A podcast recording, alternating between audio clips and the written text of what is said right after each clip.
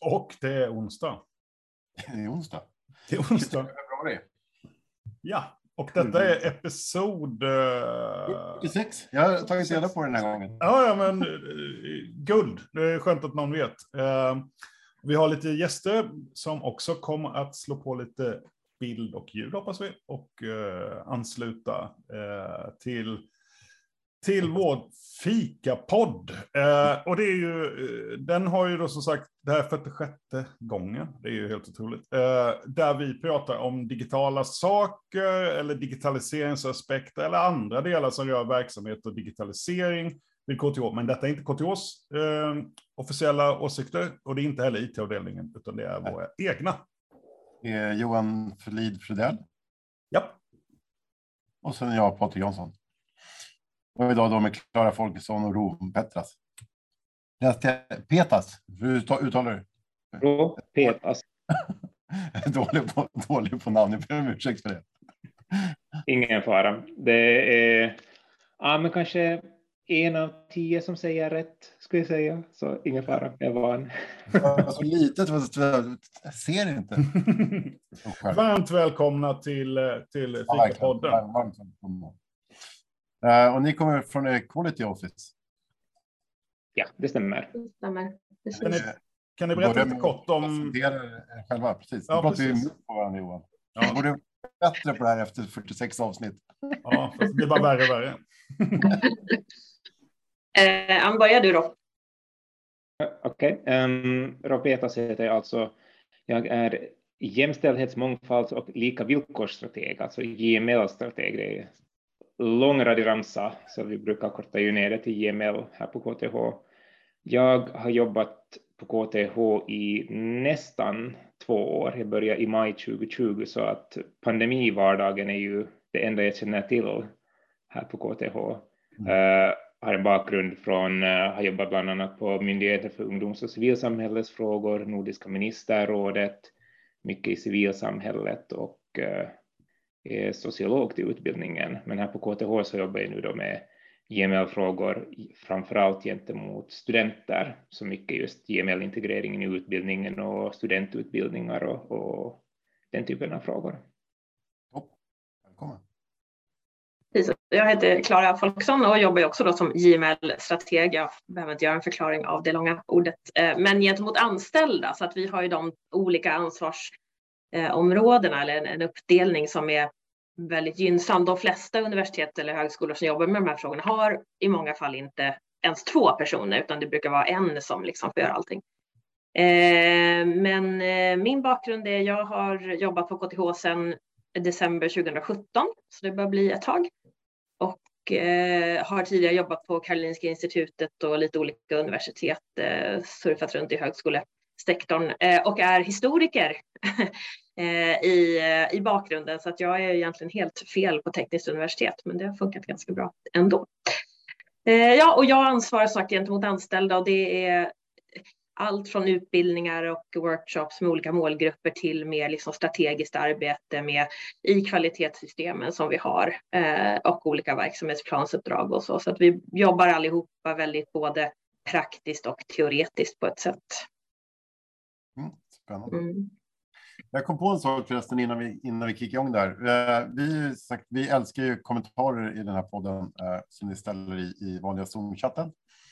Eh, och tveka inte att ställa alla möjliga frågor som ni har. Ehm, jag pratade med en, en kollega här förra veckan som sa att men jag, kan inte, jag vågar inte säga någonting för jag har ingenting att, att säga. Jag kan inte säga något smart. Eh, men säg gärna bara hej i sånt fall. Eh, vi pratade om det i episod 16 just kring inkludering, eh, vilket är ett litet touchare här ändå. Um, Mm. på KTH tycker att man måste vara väldigt smart för att våga ha sin röst, eh, få sin röst eh, hörd. Mm. Och så är det verkligen inte fallet. Allas röst är lika mycket värd. Så jag tänkte bara börja med om ni känner lite så här, jag vågar inte jag lyssna på episod 16 där, där Johan pratar om just den frågan. Ja, nej, det Eh. finns en, en massor mycket tyst kunskap som tystnar just för att vi ibland har den här känslan av att det här borde jag ju redan veta, alltså frågar jag inte. Och eh, det är någonting som både tror jag, personal och studenter ibland lider av lite, att och vi borde ju ställa ännu fler frågor. Vi är ju ett, vi är ett, ett, universitet, vi är ju en nyfiken organisation som ska vara i framkant, våga testa, våga göra fel, våga göra om. Det är ju, om inte vi gör det, var någonstans i samhället skulle kunna äga rum då? Det, det tycker jag är så att, och framförallt i den här podden. Här, här är det jag och Patrik som är de, de som har minst koll på området. Så att alla lyssnare är välkomna och kan känna sig hur trygga som helst. Så vi kommer inte hänga ut något. Eh, men, eh, alltså KTH är ju en jättestor organisation, eller i alla fall en stor organisation. Vi har 5 000 anställda, vi har 15 000 studenter plus. Eh, så det är ju massor, massor med personer. Uh, och naturligtvis, vi har hela världen som upptagningsområde. Men var ligger JML-utmaningarna? Alltså vad, vad är det, vad bränner det just nu inom era respektive områden? För ni har ju två olika grenar då egentligen. Om ni bara så här top of the head, vad är det som är utmaningar just nu? Jag vet inte. Eh, ja, nej, ser du. Ja, men jag tänker att um, jag vet inte liksom om det är mycket som är så jätteutmanande nödvändigtvis, men det är ju jättemycket kvar att göra och, och det är väl det också att GML-arbetet har ju aldrig slut.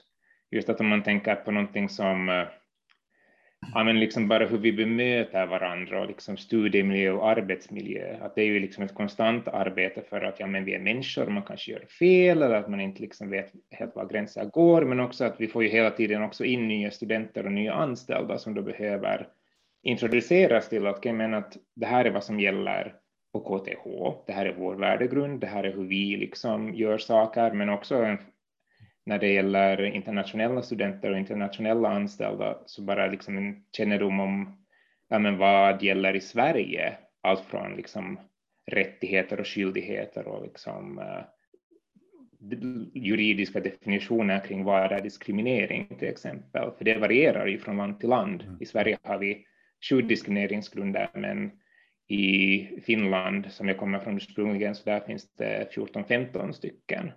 Så att bara liksom det blir ju att, att vi måste ju kontinuerligt jobba med det här så att folk faktiskt vet vad som är på gång.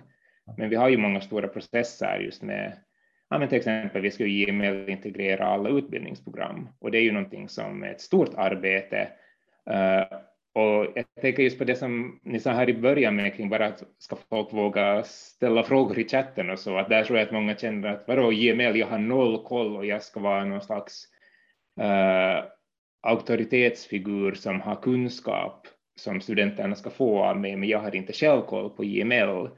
Uh, eh, så där är det ju att, att vi då dels liksom försöker ge den här baskunskapen, men också skapa den här förståelsen för, för att ja, men man får ju testa sig fram och att vi behöver ju inte heller alltid ha alla svar, utan studenterna kan ju också få ta reda på svar som en del av själva inlärningen.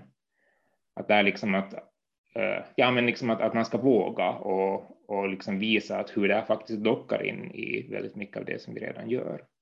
Det, det kommer jag att tänka på. Kara, vad, vad tänker du att skulle vara utmanande?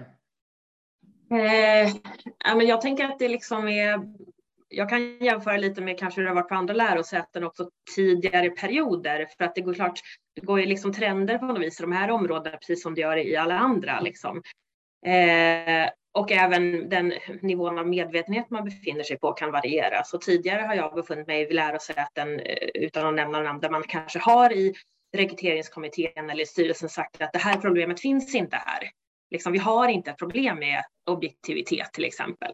Medan på KTH tycker jag, jag tror att vi är överens om det, att där har vi kommit längre. Där vet vi att det finns vissa problemområden som vi har identifierat och då säger jag vi som helhet, mm. inte vi på KT Office nödvändigtvis. Mm. Och vi har dockat in det, frågorna i väldigt många olika liksom, centrala processer och det är det som vi syftar liksom hela meningen med att vi byggde om organisationen för de här frågorna var för att det ska komma in i liksom ordinarie processer och in på ordinarie dagordningar. Så att vi har liksom kunskap lite grann om i alla fall delvis var problemen finns. Så då kan istället problemet vara att man vill liksom då lite grann kan uppleva som på tekniskt universitet vill man liksom ha lösningar så här. Ja, men hur, hur löser vi det här då? Och då är det svårt, för det finns inte alltid en, en jättesnabb lösning. Det är liksom ett, i många fall ett långsiktigt, ganska frustrerande arbete, för det handlar just mycket om kunskapshöjning och medvetandehöjning som Rå var inne på. Och det gäller ju också, så det gäller ju oss alla. Jag tänkte också på det ni sa i början, att det vi lär ju oss också liksom kontinuerligt. Och just när det handlar om inkludering eller bemötande så är det ju så att man är som människa så beroende av de föreställningarna man har och det är inte alltid så man är medveten om dem. Det gäller ju även oss. Så att det handlar snarare om att våga göra fel. Alltså lite så här klatschigt låter det, men så är det att våga göra fel för att komma vidare och kanske våga vara man själv, våga se sina egna liksom, fördomar i vitögat på något vis. I den liksom, interna, liksom, i den in, liksom, i relationella eh, perspektivet i medarbetarskap. Men sen så har vi, vi har kommit långt som sagt i att få in det i strukturen, men där kan vi utvidga det mer. Men, eh, men visst, det är, en, det är en organisation i förändring och det finns väldigt många människor som kan väldigt mycket om väldigt många olika saker, så det är svårt att få ihop det där alla gånger i tydliga liksom, processer. Ja. Skulle jag vilja påstå. Jag, jag har tänkt en del på det. Jag, jag är liksom chef i organisationen. Um, som, som du är inne på, Ro, liksom, definitionen av vad inkluderande och jämlikhet. Det är, I min värld så är det, är det ganska, det är en ganska personlig tolkning. Um, hur, hur kan jag som, eh, som eh, arbetsgivare eller som jobbande på KTH, vad, vad kan jag hitta, liksom, vad, hur jag borde göra? Finns det någon, någon, har ni någon webbsida kring de här sakerna eller har ni några andra forum man kan delta i? Finns det workshoppar man kan gå på eller? För, eh, om jag bara får flika in där då.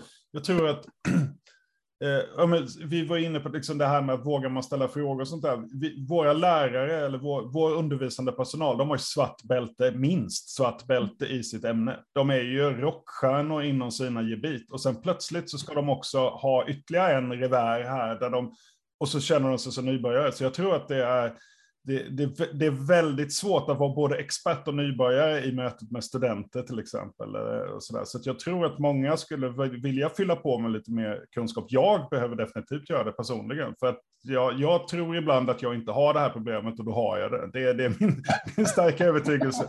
Vit, vit man i 50-årsåldern lär inte vara helt eh, fördomsfri. Eh, så jag behöver också lära mig. Men vart vänder man sig då? Men vi har ju, alltså nu de senaste två åren så mycket av, eller Equality Office har ju en hel del workshops, men eh, de senaste åren så har det framförallt varit för programansvariga och lärare, just som en del av IML-integreringen i utbildningen. Där har det väldigt mycket fokus på vad är det som ska integreras.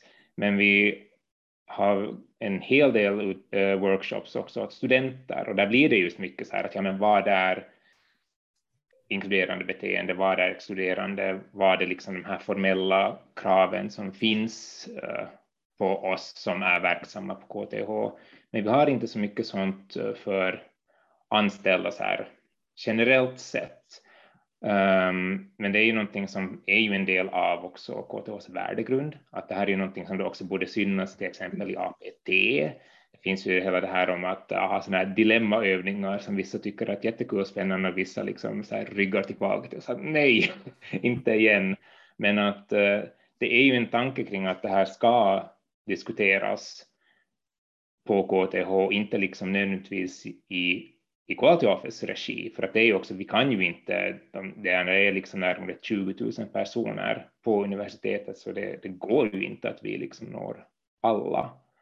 Um, men det finns någonting som heter necessären, som är en slags um, ja, men ett stödpaket som för tillfället främst har material som riktar sig till undervisande personal, men vi, vi har planer på att det ska utvidgas till att, att bli lite bredare där det finns ja, men liksom tips från allt från uh, hur man ska lägga upp grupparbeten till läsning till uh, begrepps och ordlista och sånt där. Att vi, vi försöker ändå ta fram olika typer av stöd så att det ska gå enklare och så att man också ska bli mer självgående. Generellt, Men, nej, Kör, kör, prata Nej, jag, jag, tänkte också säga att det, är liksom, det handlar om att få in eh, vi jobbar ju enligt, liksom, dels har vi olika regeringsuppdrag som KTH som myndighet måste göra, eller det är framför allt det är den egenskapen vi, vi gör saker och det handlar om eh, uppdraget att jämställdhetsintegrera som kommer från utbildningsdepartementet ursprungligen och sen måste vi också följa diskrimineringslagen som Ron nämnde här innan, liksom jobba med det som vi kallar för aktiva åtgärder och det, det samordnar vi. Så att vi måste ju liksom, vi har ju många saker vi måste göra, men däremellan försöker vi också såklart ägna oss åt ut, liksom förändringsarbete och utvecklingsarbete och vi leds ju av vice rektor på jämställd värdegrund, så det finns ju också många interna policydokument och handlingsplaner som vi ska liksom leva upp till. Eh, och en stor del av det handlar om att strukturera upp arbetet. Det här med JMLU som Rå nämner är ju en, en, stor sak som verkligen har arbetats fram under en lång process i, liksom, i dialog med verksamheten. På anställda sidan så har vi börjat treva lite liksom i JML i forskning tillsammans med Research Support Office och vi har tagit fram olika utbildningar och där har vi gjort försök täcka upp i den mån vi kan för alla de faktiskt ganska många förfrågningar som kommer in att hålla utbildningar och workshops. Men det handlar också om resurser hos oss. Så att vi måste liksom tyvärr ibland tacka nej och därför så försöker vi inte fram Canvas-utbildningar och även lägga upp saker. Så att vi håller på att göra en utveckling av hela vår JML-webb så att säga, från struktur till innehåll, vilket jag tror vi alla ser väldigt mycket fram emot. Det har varit ganska lite, lite trögt. Men eh, så att det finns mycket att ta till sig, men det finns också mycket utvecklingsarbete som sker som förhoppningsvis kommer synas de kommande liksom, året eller så. Eh, men det handlar om att försöka, som för alla, försöka hinna med allting som behövs göras liksom, i de luckor där, som kanske uppstår i årshjulet helt enkelt. Ja, perfekt. Uh, det här är ju en, en eh, podcast om digitalisering och, och, effekter och kulturer och sånt. Har ni själva upptäckt eh, de senaste under pandemin när ni suttit hemma och jobbat strukturer som ni liksom inte hade sett förut i det digitala? Eh, jag tycker absolut, kanske framför allt apropå det här med att vi håller i workshops och utbildningar, att det är mycket svårare att läsa rummet. Det är en konsekvens av det digitala i alla fall. Eh, sen har ju det funkat alldeles utmärkt för oss. Den digitala omställningen har ju gjort att vi skulle jag vilja påstå nästan kan jobba mer än vanligt. Liksom att vi behöver nu inte springa mellan fysiska rum utan vi kör liksom i Zoom och det finns ett för och nackdelar med det.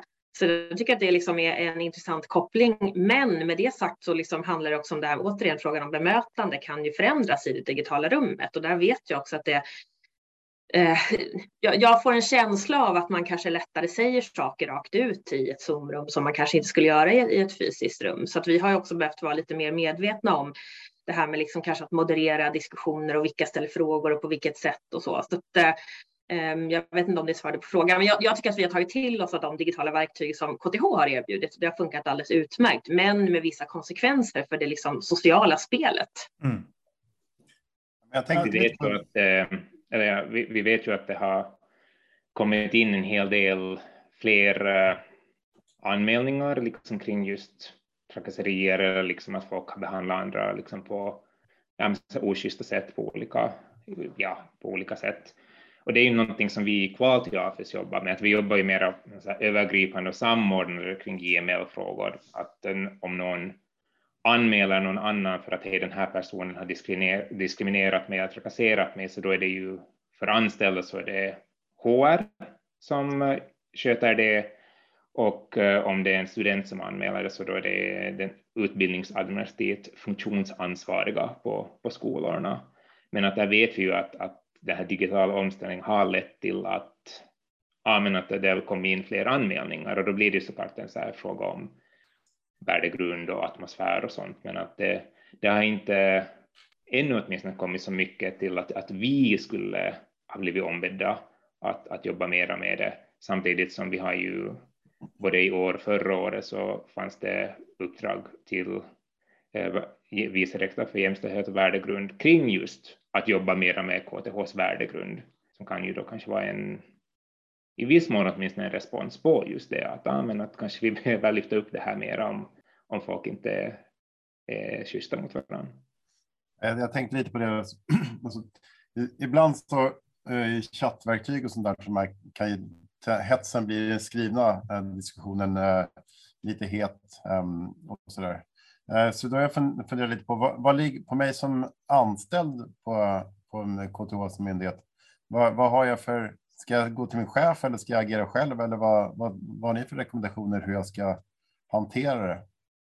Men om, om någonting händer eller om... Ja, eller om någonting jag bara ser inte riktigt mm. stämmer med vad jag, vad jag tycker att KTHs värdegrund står för ja, man, man kan ju alltid, vi, vi pratar ju mycket om det här med liksom active bystanding, alltså att man är ändå en, en, en aktiv med, person på något vis i situationen. Mm. Det är alltid bra om man kan, om man känner sig trygg och säker, att man kan säga ifrån där och då att det här känns inte okej. Okay. Och sen är det alltid det är lite lättare sagt än gjort kanske, men absolut ta upp det med, med den närmsta chefen.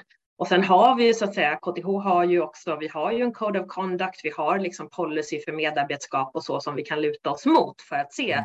Hur ska vi vara mot varandra. Eh, och det är klart, det kanske man inte drar fram där och då i stunden, man kanske sitter och håller på det policydokumentet, men, men det är någonting man kan använda sig av i alla fall.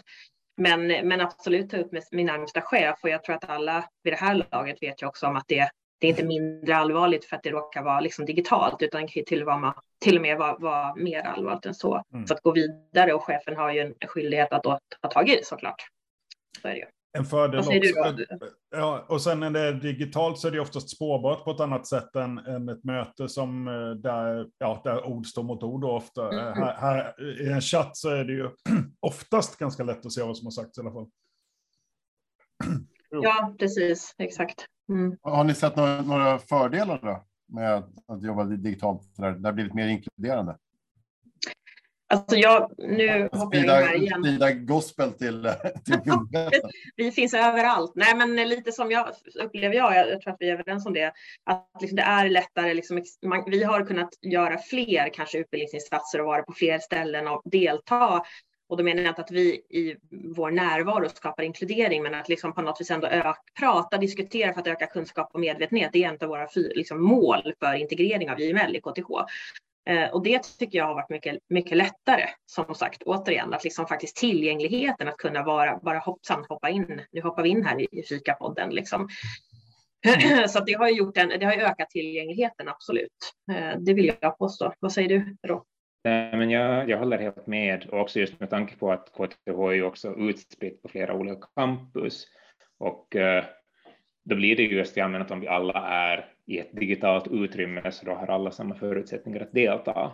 Eh, att det blir inte så att vissa behöver resa och liksom lägga mycket mer tid på att kunna delta i någonting, vilket jag förstått att tidigare har kunnat lett till att ja, men vissa kanske har känt sig lite åsidosatta eller, eller inte velat eller ens kunna delta i allting. Ja. Min uppfattning är lite att, eller som ett gott exempel, jag tycker att videomöten på något sätt har blivit mer inkluderande. Jag är mer, mer van att man kör check-in så alla, alla får komma till tal som är med på mötet och så vidare.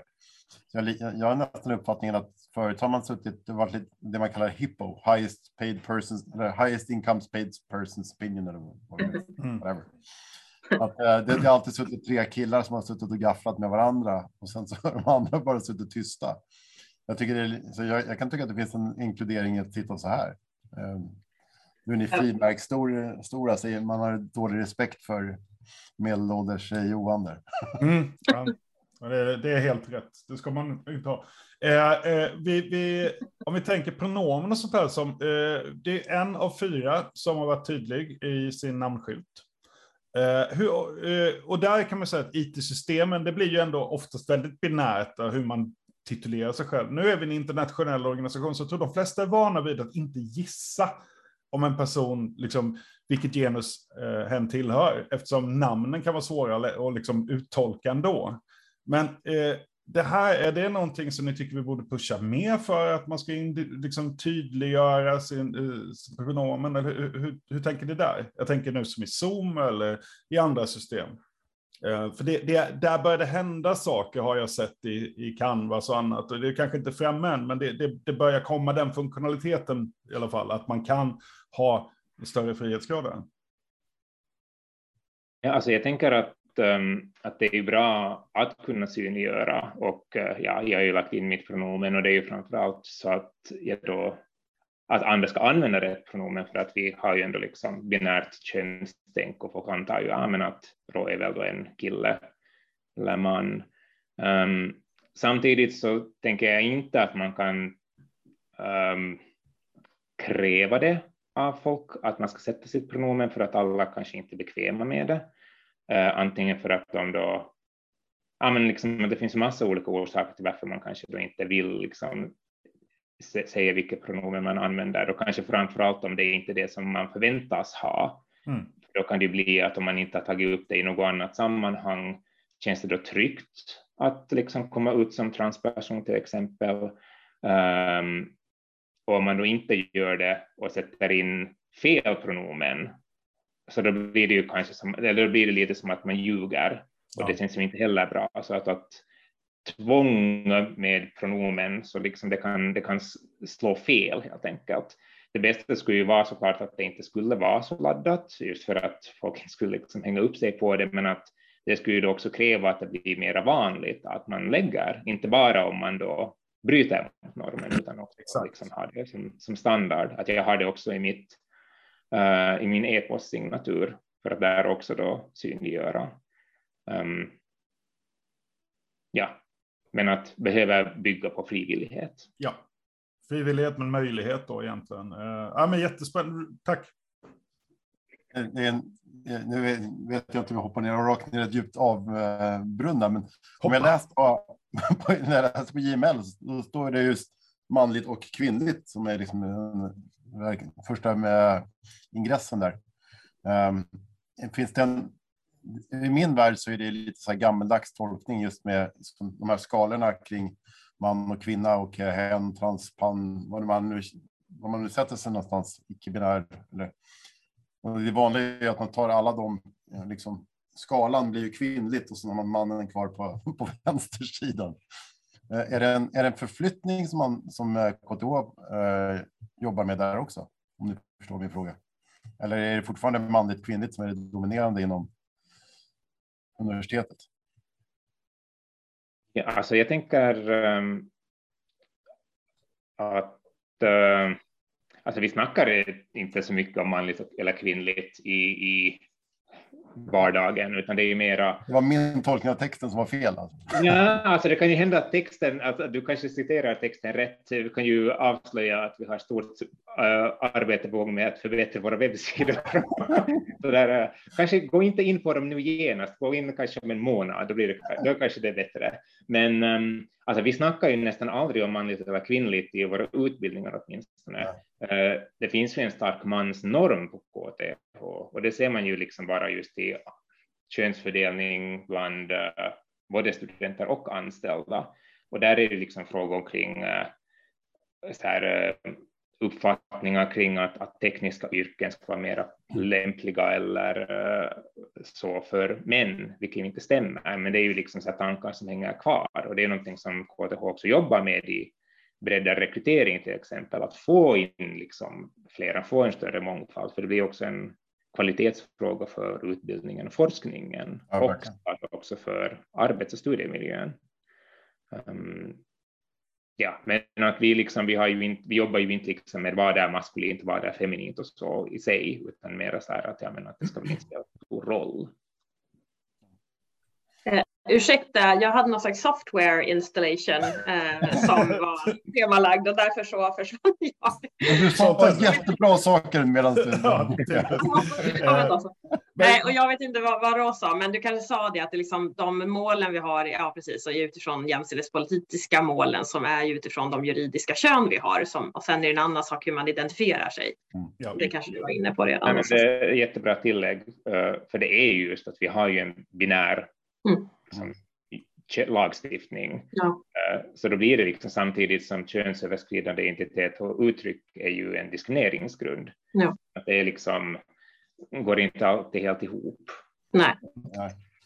Och det är inte alltid heller, apropå att liksom personligen att vi tycker det, alltså personligen kanske jag tycker att det skulle behövas ett till juridiskt kön, men det, så är det inte nu, utan då är de politiska målen vi har utifrån man och kvinna. Men, men det är två olika liksom, saker så att säga. Ja. Mm. ja. och så är det ju ofta även när vi jobbar med andra saker, att vi har ju en, en, en viss typ av jurid, juridik och lagstiftning att förhålla oss till, och ett annat är ju det behov som ett, fram, liksom ett framåtsyftande tekniskt universitet. Det, det är ju inte sällan att vi får jobba i det där gränslandet med en viss typ av eh, ska man säga, eh, vi försöker lubba systemet för att det ska funka i alla fall. Eh, ja, ja men, men precis tiden går himla fort när man har trevligt eh, och vi börjar närma ja, oss. Ja, ja. och, eh, Vi vill på för eh, Equality Forum den 8 mars. Eh, vi kommer lägga en, en, en länk också i, i YouTube-beskrivningen och på Spotify. Men, men med detta får jag nog tacka er för er, er första eh, medverkan i, i Fika mm, Ni måste tillbaka hundra Ni måste tillbaka. Vi har mycket kvar att prata om. Det här gick fort. ja, det var mycket att säga. Men stort, stort tack för att vi fick vara med. Jättekul. Vi kommer gärna tillbaks. Tack. Säger jag för oss. Tack. Uh, och uh, varmt lycka till och vi ses där ute i, i, i verkligheten nu när de återvänder. Episod 46 avklarad. Tack alla. Tack så mycket. Tack, tack, tack. Puss och kram. Hej.